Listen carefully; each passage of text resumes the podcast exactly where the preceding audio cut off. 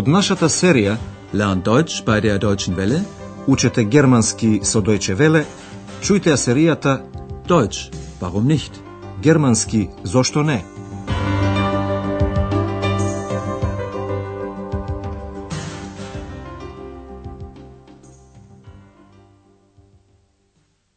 Liebe Hörerinnen und Hörer. Добар ден, почитувани слушателки и слушатели нарете 12-та лекција под наслов Студент или портир? Студент уда потие. Во последната емисија ја запознавте со барицата Хана од Хотел Европа. Таа беше навистина налутена за една несредена соба и почна да ги чисти шишињата во неа. Обрнете внимание на неопределениот член една, ајне, пред именката. Eine Flasche. Noch eine.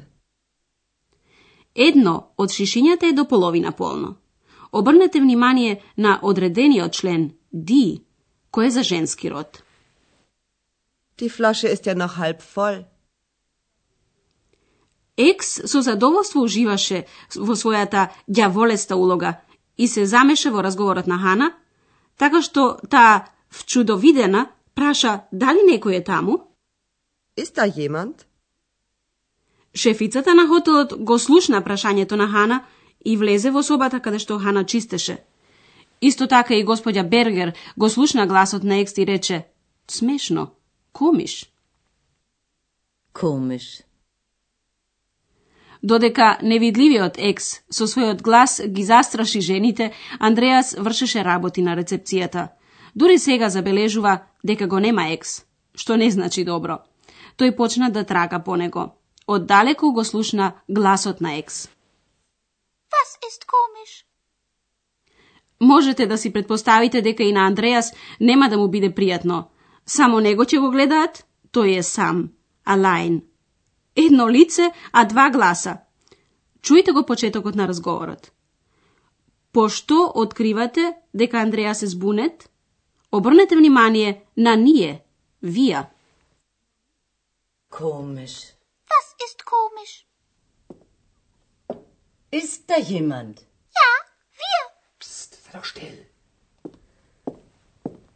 Was machen Sie denn hier? Wir studieren. Wie bitte? Ja, nein. Also, wir. äh, Ich bin nur neugierig. Interessant. Sagen Sie mal, Sie sind doch allein. Sagen Sie immer wir und meinen ich? Веројатно забележавте дека гласот на Андреас трепери и дека е збунет. Екс најпрвен сака да открие што е тоа смешно за господја Бергер. Was ist komisch? На прашањето на господја Бергер кој е таму, Екс одговара со да, ние, ја, вија. Ist da jemand? Ja, wir. Андреас залудно бара од Екс конечно да замолчи. Биди мирен. Psst, sei doch still. Меѓутоа, господја Бергер го забележува Андреас и го прашува зачудено. Што правите тука? Was machen Sie denn hier? Тука е екс кој пак брго одговара на прашањето на господја Бергер. Ние студираме. Wir studieren. Хана смејќи се прашува, како молам? Was machen Sie denn hier? Wir studieren. Wie bitte? И додека Андреас збунет скока од јас на ние, господја Бергер директно го прашува дали тој секој пат вели ние, вија, а мисли јас, их. Дали секој пат велите ние, а мислите јас? Sagen Sie immer wir und meinen ich? Слушнавте две значени разлики. Разликата меѓу јас, их, и ние, вија. И разликата меѓу кажува, заген и смета, мисли, мајнен. Чујте ја реченицата уште еднаш. Sagen Sie immer wir und meinen ich? Доколку мислите дека господја Бергер е вчудовидена од гласот на Екс, во секој случај имате право. Меѓутоа, за такво нешто не се изјасни. Разговорот продолжува. Обидете се да ја разберете смислата на разговорот, иако не го разбирате секој збор. Ваша задача е да откриете зошто Хана е зачудена. Да ви помогнеме. Станува збор за професии. Sagen Sie immer wir und meinen ich? Nein, natürlich nicht. Sie sind neu hier, oder? Ich glaube, Sie sind der Portier. Stimmt. Und warum sagen Sie, wir studieren? Ich bin Student. Was denn? Student oder Portier? Student und Portier. Ach so. Naja, also ich bin Hanna, das Zimmermädchen. Und ich bin Andreas. Also, an die Arbeit. Okay. Tschüss. Ciao. Ciao,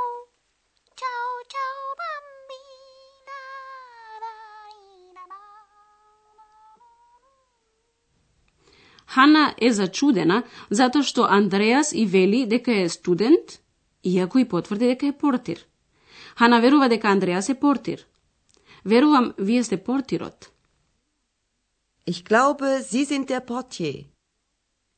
Откако Андреас и потврди, Хана повторно прашува. Зошто велите ние студираме? Warum sagen Sie, wir studieren? И откако Андреас и вели дека е студент, Хана пак зачудена прашува. Што, студент или портир? Или? Ода? Was denn? Student oder Portier? Андреас не мора да ја крие вистината и одговара чесно дека е и студент и портир. И, und. Student und Portier. Хана лично се представува како собарица, Zimmermädchen. Па јас сум Хана, собарицата. Na ja, also ich bin Hanna, das Zimmermädchen. Господја Бергер пријателски ги предупредува и двајцата. Значи, на работа, Also, an die Arbeit. Хана се простува со пријателско здраво, а Екс ја одговара со секојдневното чао. Okay. Tschüss. Чао! Ке ви објасниме уште нешто за глаголите.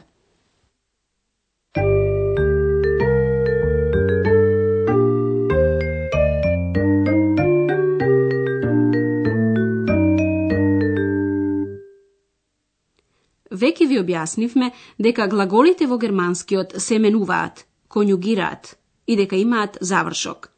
Инфинитивната форма на глаголите завршува на «н». Ако завршокот се отстрани, тогаш ја имаме глаголската основа. Studieren. Studieren. Studier. Studier. Денеска ве запознавме со глаголската форма на прво лице множина – ние, вие и глаголскиот додаток «н». Wir studieren. Wir studieren. Значи, прво лице множина го има истиот завршок како во инфинитив неопределен начин. Studieren. Wir studieren. Да се вратиме на глаголските завршоци во презенс, сегашно време. Завршокот «н» се употребува во инфинитив. Studieren. Studieren. Со ние, вие, во прво лице множина. Wir studieren. Wir studieren. Со учтиво обраќање вие, зи, во второ лице еднина. Was studieren Sie? Was studieren Sie? Прво лице еднина го откриваме по завршокот е и личната заменка јас, их. Ich studiere. Второ лице еднина завршува на ст и личната заменка ти, ду. Was studierst du? Was studierst du? Трето лице еднина го откриваме по завршокот те и едно име или заменка. Andreas studiert. Er studiert Journalistik.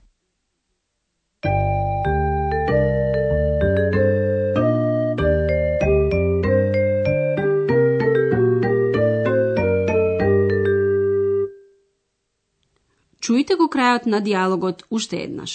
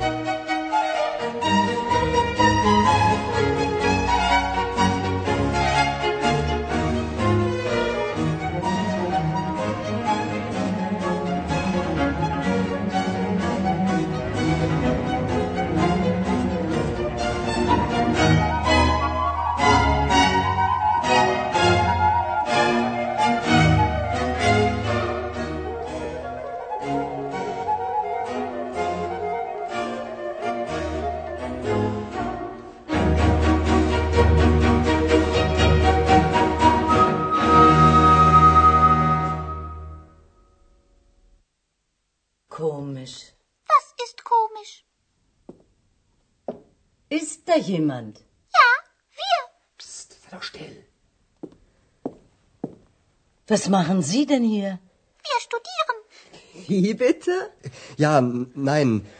Also, wir. äh, Ich bin nur neugierig. Interessant. Sagen Sie mal, Sie sind doch allein. Sagen Sie immer wir?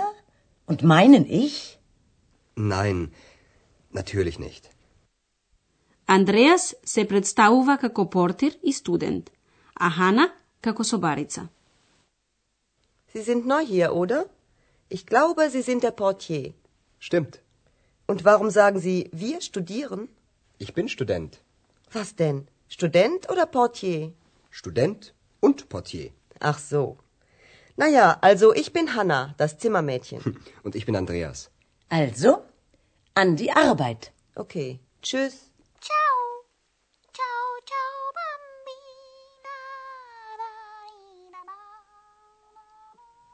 До слушање до наредната лекција. Ciao. Тоа беше германски Зошто не?